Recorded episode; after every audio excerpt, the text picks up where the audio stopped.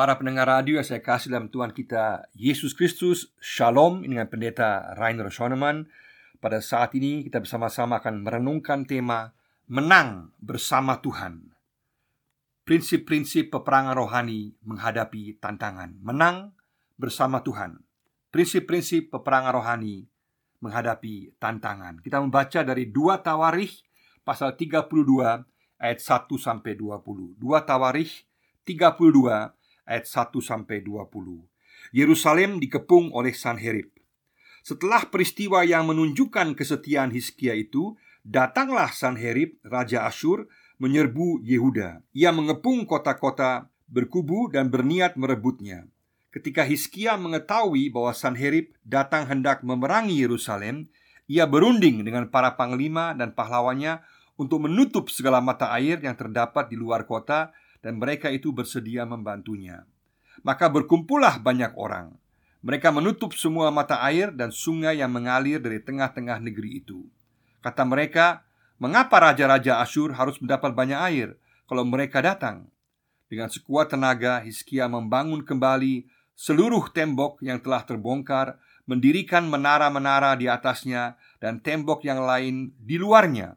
Ia memperkuat juga Milo di kota Daud dan membuat lembing dan perisai dalam jumlah yang besar.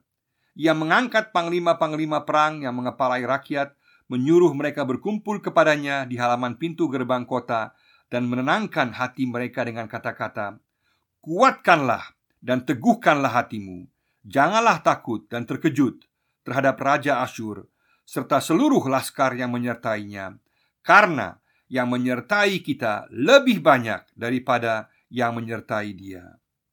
Yang menyertai dia adalah tangan manusia, tetapi yang menyertai kita adalah Tuhan Allah yang membantu kita dan melakukan peperangan kita. Oleh kata-kata Hizkia, raja Yehuda itu, rakyat mendapat kepercayaan kembali. Sesudah itu, Sanherib, raja Asyur, yang sedang mengepung Lakis dengan seluruh kekuatan tentaranya, mengutus beberapa pengawal ke Yerusalem kepada Hizkia, raja Yehuda, dan kepada semua orang Yehuda yang ada di Yerusalem dengan pesan, "Beginilah titah Sanherib raja Asyur. Apakah yang kamu harapkan? Maka kamu tinggal saja di Yerusalem yang terkepung ini.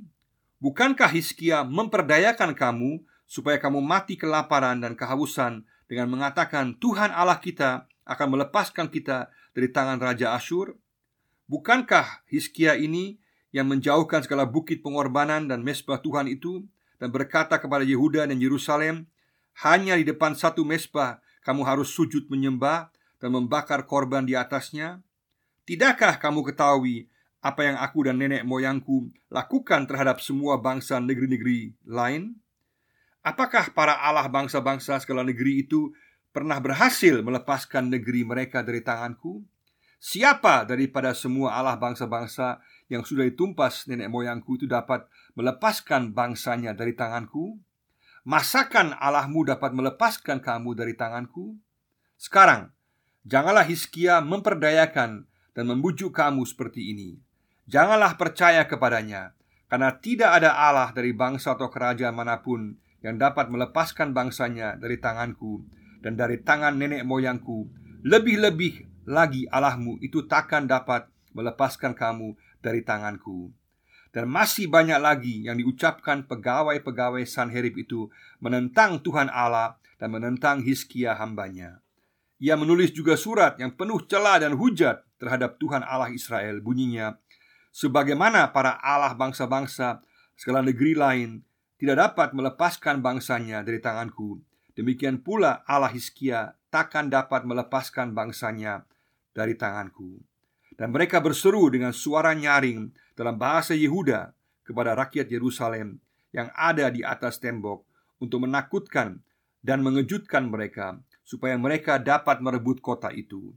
Mereka berbicara tentang Allah Yerusalem seperti tentang Allah para Allah bangsa-bangsa di dunia adalah buatan tangan manusia.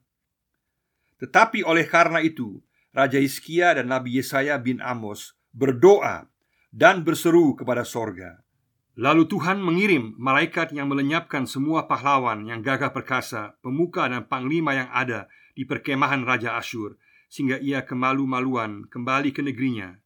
Kemudian ia ditewaskan dengan pedang oleh anak-anak kandungnya sendiri ketika ia memasuki rumah Allahnya. Demikianlah Tuhan menyelamatkan Hizkia dan penduduk Yerusalem dari tangan Sanherib, raja Asyur, dan dari tangan semua musuhnya. Dan ia mengaruniakan keamanan kepada mereka di segala penjuru. Banyak orang membawa persembahan ke Yerusalem untuk Tuhan dan barang-barang berharga untuk Hizkia, raja Yehuda itu. Sejak itu ia diagungkan oleh semua bangsa. Menang bersama Tuhan, prinsip-prinsip peperangan rohani menghadapi tantangan. Sini gambarkan Raja Hizkia yang adalah penerus daripada Raja Ahas bapaknya. Bapaknya Ahas adalah seorang raja yang tidak berkenan kepada Tuhan yang membawa penyembahan berhala yang bahkan menentang Tuhan dan hidupnya jauh dan jahat daripada Tuhan. Sedangkan Hizkia, kata Hizkia berarti Hezekia artinya Tuhan adalah kekuatan. Dia berbeda total dengan bapaknya. Dia sungguh-sungguh mendekatkan diri kepada Tuhan. Dia sungguh-sungguh melayani Tuhan. Dia mendengar firman Tuhan dan dia juga mendengar nasihat daripada Yesaya sang nabi dan kemudian dia sungguh-sungguh mengikut Tuhan secara luar biasa. Kita baca pasal 31 ayat 20 dan 21 kita lihat bahwa Raja Hizkia sungguh-sungguh berlaku jujur, adil dan melakukan yang baik, yang benar di hadapan Tuhan sehingga apa yang dia lakukan sungguh-sungguh kemudian berhasil. Tapi meskipun Hizkia berhasil dan dia sungguh-sungguh disertai Tuhan, itu bukan berarti bahwa dia tanpa tantangan. Dia kemudian menghadapi tantangan yang sangat besar Yaitu ancaman dari Raja Sanherib yang begitu berkuasa dari kerajaan Asyur. Hal yang sama juga berlaku untuk kita. Kalau kita sungguh-sungguh mengikut Tuhan Dengan penuh kesungguhan, kesetiaan Maka bukan berarti bahwa kita akan bebas Tantangan, bebas daripada masalah. Meskipun kita sungguh-sungguh ikut Tuhan Kita jujur, kita setia Kita sungguh-sungguh melakukan kehendak Tuhan Tetap kita juga akan mengalami tantangan dan masalah. Karena ikut Tuhan bukan berarti bebas tantangan. Ikut Tuhan berarti ada kepastian bahwa Tuhan bersama dengan kita dan Tuhan akan menyertai kita. Tetapi tantangan tetap akan kita hadapi. Di sini kita lihat Hizkia menghadapi tantangan Raja Asyur Sanherib yang sedemikian berkuasa waktu itu. Dia memiliki pasukan dengan 185 ribu tentara yang begitu berkuat Sedangkan di Yerusalem dalam kerajaan Yehuda hanya ada beberapa ribu saja para pejuang atau para tentara dan juga para penduduk di kota Yerusalem sehingga sama sekali tidak seimbang sehingga memang Sanherib yang telah memenangkan begitu banyak peperangan sekarang datang mengancam secara luar biasa. Hizkia berada dalam situasi ancaman dan kita pun juga sama. Kita juga mengalami berbagai jenis Sanherib-Sanherib modern masa kini berbagai macam ancaman yang kita hadapi pada tahun ini, juga tahun-tahun ke depan, situasi sekarang dan juga tahun-tahun ke depan yang mengancam kita, baik secara pribadi dalam keluarga kita, soal pekerjaan kita, soal kesehatan kita, soal dalam profesi kita, juga dalam soal kita punya hubungan dengan orang lain, juga tengah-tengah negara kita Indonesia, juga di tengah-tengah situasi tanah Papua dan juga kota Jayapura, dan di mana pun kita berada, kita mengalami berbagai jenis tantangan, dan semua hal ini bisa membuat kita takut menghadapi situasi yang sedemikian berat ini. Pertanyaannya adalah sekarang, bagaimana kita bisa bereaksi atau menghadapi atau menjawab tantangan yang ada?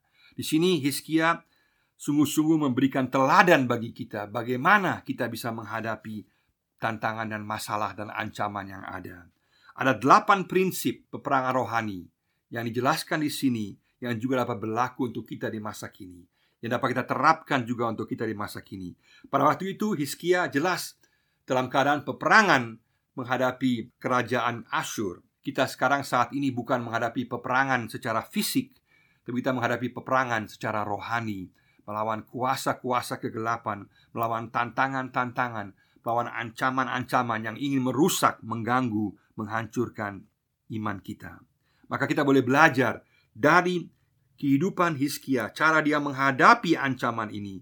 Ada prinsip-prinsip rohani yang juga menjelaskan prinsip-prinsip peperangan rohani yang juga berlaku untuk kita pada saat sekarang. Situasi Hizkia dulu beda dan juga beda dengan situasi kita saat ini. tapi prinsip-prinsipnya tetap berlaku untuk kita di masa kini. Yang menarik di sini adalah bahwa dasarnya yang luar biasa adalah iman yang begitu kuat daripada Raja Hizkia yang sungguh-sungguh meyakini pertolongan Tuhan. Yang dikatakan dalam ayat 7 dan ayat 8 dikatakan bahwa yang bersama dengan kita adalah pasukan yang lebih besar. Yang bersama kita adalah Tuhan yang kuat Tuhan Allah Yahweh. Dan dia yakin bahwa Tuhan Allah Yahweh yang akan memberikan kemenangan yang menyertai dia dalam peperangan.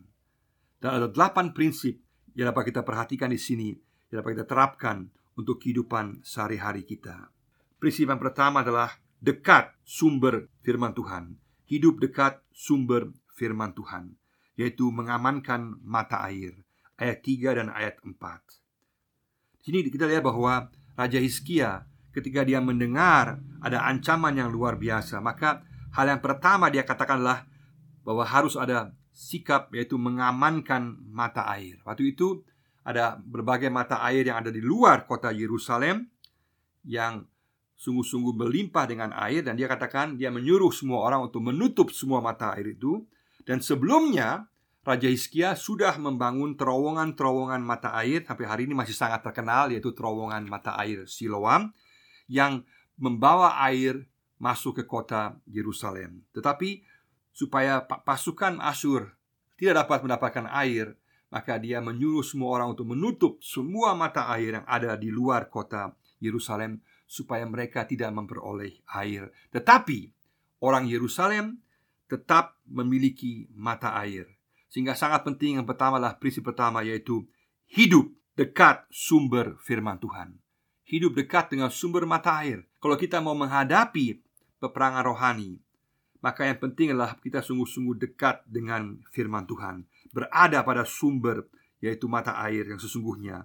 Dalam Mazmur 87 ada sebuah lagu tarian, nyanyian tarian Mazmur 87 tentang mayim-mayim yaitu air-air yang melambangkan bahwa semua atau segala sumberku ada padamu Tuhan. Berarti semua sumber kita ada pada Tuhan.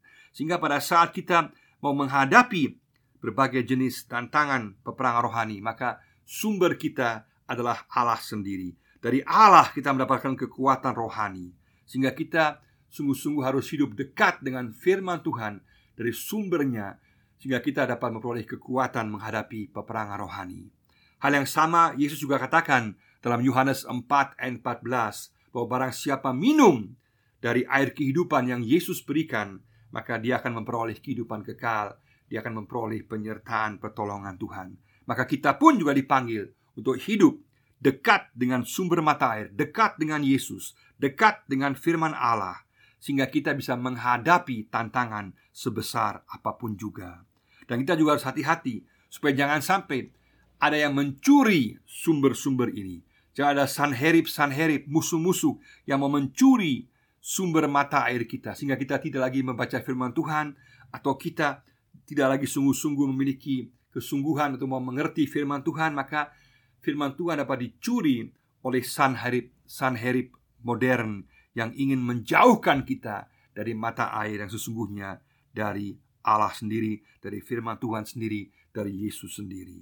Prinsip yang kedua adalah menyelesaikan dosa dan menyadari kelemahan. Menyelesaikan dosa dan menyadari kelemahan, yaitu memperbaiki tembok. Kita baca ayat 5a bahwa kemudian kita lihat bahwa Hizkia menyuruh orang-orang Yerusalem untuk memperbaiki tembok yang ada, ada lubang-lubang yang ada di tembok-tembok itu diperbaiki. Ini juga melambangkan bahwa kita pun juga kalau kita mau memasuki peperangan rohani, kita harus memperbaiki, harus menyadari di mana ada dosa dalam kehidupan kita, di mana ada kelemahan dalam kehidupan kita, di mana kita belum menyelesaikan dosa di hadapan Tuhan, supaya jangan sampai ada celah-celah di mana musuh dapat melawan kita, dapat menghancurkan kita, masuk dalam kehidupan kita, di mana kita mungkin tidak taat, di mana mungkin kita telah menentang Tuhan. Kita harus sungguh-sungguh memperbaiki tembok-tembok yang lobang-lobang dalam kehidupan kita. Mari sama-sama kita menyelesaikan dosa kita di hadapan Tuhan. Kita menyadari kelemahan kita sehingga kemudian kita mampu masuk dalam peperangan rohani. Yang ketiga adalah siap menghadapi tantangan pencobaan, siap menghadapi tantangan pencobaan yaitu membangun menara, membangun menara. Kita baca ayat 5a. Raja Hizkia kemudian menyuruh orang-orang Yerusalem untuk membangun menara supaya bisa melihat dari jauh, supaya bisa bersiap siaga menghadapi serangan-serangan musuh. Maka kita pun juga sama, kita pun juga harus siap siaga menghadapi serangan-serangan musuh. Sama juga seperti sebelumnya ada tembok yang dibangun Kemudian ada tembok kedua yang dibangun itu tembok doa yang dapat menguatkan kita menghadapi serangan-serangan musuh. Maka sekarang juga dibangun menara yang juga penting supaya kita lihat, supaya jangan kita kaget kalau kita diserang oleh musuh, kita siap menghadapi serangan musuh. Sama dengan juga dikatakan dalam 1 Petrus pasal 5 ayat 8 dan 9 bahwa iblis berusaha untuk menyerang kita. Iblis berusaha untuk menjatuhkan kita juga Yakobus 4 ayat 7 yang mengatakan juga bahwa kita harus sungguh-sungguh bersandar kepada Tuhan, merendahkan diri di hadapan Tuhan, maka iblis akan lari daripada kita. Kita harus siap siaga menghadapi serangan-serangan musuh. Siaga menghadapi apa pun yang akan terjadi, tantangan apa pun yang terjadi, kita harus siap bersama-sama dengan Tuhan. Yang keempat adalah memakai senjata perlengkapan rohani memakai senjata perlengkapan rohani yaitu menyiapkan senjata ayat 5b.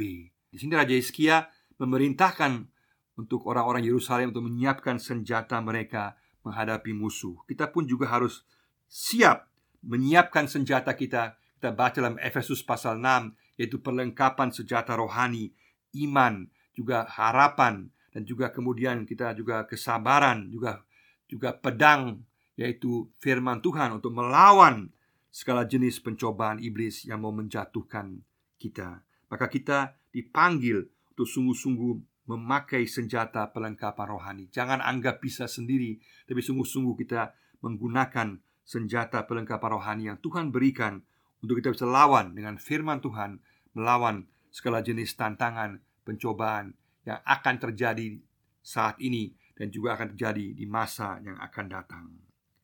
Yang kelima, prinsip yang kelima dalam peperangan rohani adalah saling menguatkan, saling mendukung. Saling menguatkan, saling mendukung, memberikan semangat para pemimpin umat ayat 6. Memberikan semangat para pemimpin umat ayat 6. Di sini sangat nyata sekali bahwa Raja Hizkia memberikan semangat kepada para pemimpin umat dengan tujuan untuk menguatkan mereka, untuk mendukung mereka. Dan sangat penting juga bagi kita adalah bahwa kita juga saling menguatkan satu dengan yang lain. Di tengah-tengah berbagai jenis tantangan yang kita hadapi saat ini, kita harus dan perlu saling mendukung, saling mendoakan, saling menguatkan satu dengan yang lainnya. Jangan anggap kita bisa sendiri. Kita perlu sungguh-sungguh saling menolong seorang terhadap yang lain, menjadi orang-orang yang menguatkan orang lain, jadi orang-orang yang memberikan semangat kepada orang lain, mendukung orang lain, dan juga menerima dukungan dari orang lain. Itulah prinsip dalam peperangan rohani kalau kita tidak mendapatkan dukungan, tidak memberikan dukungan kepada orang lain, maka kita akan mengalami kesulitan, akan mengalami kegagalan dalam menghadapi berbagai tantangan. Mari sama-sama kita menjadi orang-orang yang memberikan semangat kepada orang lain, yang mendukung orang lain, menguatkan orang lain. Prinsip yang keenam adalah dalam peperangan rohani yaitu meyakini penyertaan pertolongan Tuhan. Meyakini penyertaan pertolongan Tuhan yaitu ungkapan iman. Ungkapan iman ayat 7 dan 8. Ungkapan iman sangat menentukan, harus kita ucapkan berulang-ulang kali, harus kita sadari secara sadar, kita ucapkan terus-menerus. Ungkapan iman di sini ayat 7 dan ayat 8 bahwa Tuhan bahwa Tuhan yang akan menyertai kita, bahwa Tuhan yang berserta kita lebih kuat daripada segala tantangan-tantangan yang akan kita hadapi. Di sini Hizkia katakan bahwa pasukan surgawi jauh lebih banyak daripada pasukan Raja Asyur. Dan juga Tuhan Allah, Yahweh, yang adalah pencipta, yang adalah kekal, yang adalah juga penyelamat. Dia yang akan menyertai kita. Dia yang akan menyertai Yehuda pada waktu itu dan sekaligus juga akan menyertai kita pada saat ini. Sehingga kita harus meyakini penyertaan Tuhan dengan kata-kata yang sangat indah dikatakan di sini, kuatkanlah dan teguhkanlah hatimu, janganlah takut. Kenapa? Karena yang bersama dengan kita, jauh lebih banyak yaitu tentara sorgawi dan juga bersama dengan kita adalah Tuhan Allah yang akan memberikan kemenangan dalam peperangan. Maka kita harus meyakini penyertaan Tuhan Meskipun akhirnya belum kita lihat Meskipun kemenangannya belum kita lihat Tetapi kita harus yakin bahwa dalam iman Kemenangan itu pasti akan terjadi bersama-sama dengan Tuhan. Yang ketujuh adalah di sini Tidak terpengaruh tipuan dunia atau iblis. Tidak terpengaruh tipuan dunia atau iblis. Atau provokasi tipuan musuh. Provokasi tipuan musuh kita baca ayat 9 sampai ayat 19 Ayat 9 sampai ayat 19 Bagian yang sangat panjang ini Juga menggambarkan hal yang sangat bahaya Dalam situasi di mana kita sedang menghadapi tantangan. Karena yang paling bahaya adalah Situasi di mana kita dapat dipengaruhi Oleh tipuan-tipuan dunia Usulan-usulan dunia Atau juga tipuan-tipuan iblis yang ingin melemahkan iman kita, yang ingin mengalihkan perhatian kita, yang ingin menjauhkan kita daripada Tuhan, bahkan juga menggunakan orang-orang dalam, orang-orang mungkin juga orang-orang Kristen yang juga dengan kata-katanya malah membawa kita tidak mempercayai Tuhan, malah melumpuhkan iman kita karena musuh yang paling bahaya juga adalah musuh dari dalam yang juga bisa merusak kita, membahayakan kita. Kita harus hati-hati menghadapi segala jenis tipuan, baik tipuan iblis, dunia dari luar, maupun juga orang-orang yang memberikan nasihat-nasihat yang sebenarnya bertentangan dengan kehendak Tuhan. Jangan sampai kita terpengaruh, juga jangan sampai kita juga tertipu oleh usulan-usulan iblis. Di sini kita lihat para pegawai, para utusan daripada Raja Sanherib berusaha untuk menipu bangsa Yehuda, mengatakan bahwa Raja Hizkia sedang memperdaya mereka, sedang menipu mereka, bahkan juga mengejek, mencela, menghina Allah Yahweh. Padahal Allah Yahweh dialah sang pencipta, dialah yang berkuasa, hanya dialah Allah yang kekal, Allah yang sejati. Maka sangat penting di tengah-tengah situasi di mana ada tantangan kesulitan, kita harus sungguh-sungguh mengatakan aku tidak mau terpengaruh oleh dunia, tipuan dunia, tipuan iblis, provokasi, daripada macam-macam hal yang ingin mengganggu iman saya. Kita mau tetap meyakini penyertaan dan pertolongan Tuhan. Dan kedelapan yang terakhir, prinsip yang kedelapan adalah menantikan tindakan Tuhan. Menantikan tindakan Tuhan, yaitu berdoa. Berdoa ayat 20 sampai ayat 23. Sungguh luar biasa. Kemudian kita lihat bahwa Hizkia bersama-sama dengan Nabi Yesaya, dia sungguh-sungguh mendengar nasihat Nabi Yesaya. Mereka kemudian bersama-sama mereka sungguh-sungguh berdoa. Mereka menyerahkan segala sesuatu dalam tangan Tuhan. Mereka bersama-sama telah hidup dekat dengan sumber firman Tuhan. Mereka telah menyelesaikan segala masalah mereka, menyadari kelemahan mereka. Mereka telah siap menghadapi tantangan dan juga pencobaan. Mereka telah juga memakai senjata perlengkapan rohani. Mereka juga saling menguatkan dan juga tidak terpengaruh oleh tipuan iblis dan dunia dan mereka juga meyakini penyertaan pertolongan Tuhan. Mereka menantikan tindakan Tuhan. Raja Hizkia dan Nabi Yesaya jelas mereka dalam peperangan secara fisik. Mereka mengamankan mata air, mereka memperbaiki tembok, mereka membangun menara, mereka menyiapkan senjata, mereka memberikan semangat kepada para pemimpin umat. Mereka juga tidak tertipu oleh provokasi, tipuan musuh. Mereka juga mengungkapkan iman mereka, dan mereka kemudian juga berdoa. Hal yang sama juga berlaku untuk kita. Karena itulah yang akan membawa kemenangan. Kemudian kita lihat bahwa kemudian Allah sendiri yang bertindak. Allah yang bertindak dan Allah kemudian menghancurkan pasukan daripada Raja Asyur Sehingga Allah memberikan kemenangan kepada Raja Hizkiah secara luar biasa. Maka dari proses ancaman, tantangan, sampai kepada kemenangan Kita harus lihat ada delapan prinsip peperangan rohani yang perlu kita perhatikan bersama-sama.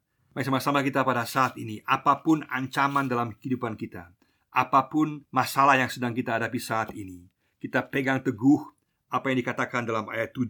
Kuatkanlah hatimu, teguhkanlah hatimu, dan janganlah takut. Karena Allah, Tuhan Allah Yahweh, yang adalah penguasa dunia ini, dia bersama-sama dengan kita. Dia juga adalah penyelamat kita.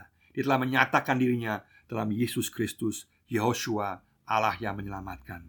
Sehingga kita boleh tahu bahwa kita berada dalam perlindungan Tuhan Allah Yahweh yang bersama-sama dengan kita. Pada saat kita menghadapi ancaman, kita boleh tahu bahwa kemenangan yang kita akan alami adalah pasti. Meskipun akan ada jarak atau ada perjalanan yang panjang, tetapi pasti kemenangan akan terjadi. Mari sama-sama kita sungguh-sungguh tetap bertahan dalam proses ini. Kita mempertahankan dan memperhatikan delapan prinsip peperangan rohani dalam menghadapi berbagai jenis ancaman, tantangan, masalah dalam kehidupan kita. Sekaligus kita memeriksa diri kita masing-masing. Sejauh mana setiap prinsip ini telah kita lakukan, telah ada dalam kehidupan kita. Sehingga jangan sampai ada tembok yang lobang dalam kehidupan kita. Jangan sampai ada mata air yang dirampas diambil orang. Jangan sampai menara kita hancur. Jangan sampai senjata kita tumpul. Jangan sampai kita tidak memberikan semangat seorang akan yang lain. Jangan sampai kita tertipu dengan provokasi musuh. Dan jangan sampai iman kita melemah dan kita kurang berdoa. Mari sama-sama kita katakan, kita mau hidup dekat dengan sumber firman Tuhan. Kita mau menyelesaikan dosa dan kita mau menyadari kelemahan kita. Katakan kita mau siap menghadapi tantangan dan juga pencobaan. Kita mau memakai senjata pelengkapan rohani. Kita mau saling menguatkan, saling mendukung. Kita mau meyakini penyertaan pertolongan Tuhan. Kita mau tidak terpengaruh oleh tipuan dunia dan iblis. Kita mau menantikan tindakan Tuhan. Kita mau berdoa dan menunggu bahwa kemenangan pasti ada dalam tangan kita bersama-sama dengan Tuhan yang lebih kuat, yang lebih besar, dan akan tetap bersama-sama dengan kita. Kita akan menang bersama Tuhan. Kiranya Tuhan memberkati kita semua. Amin.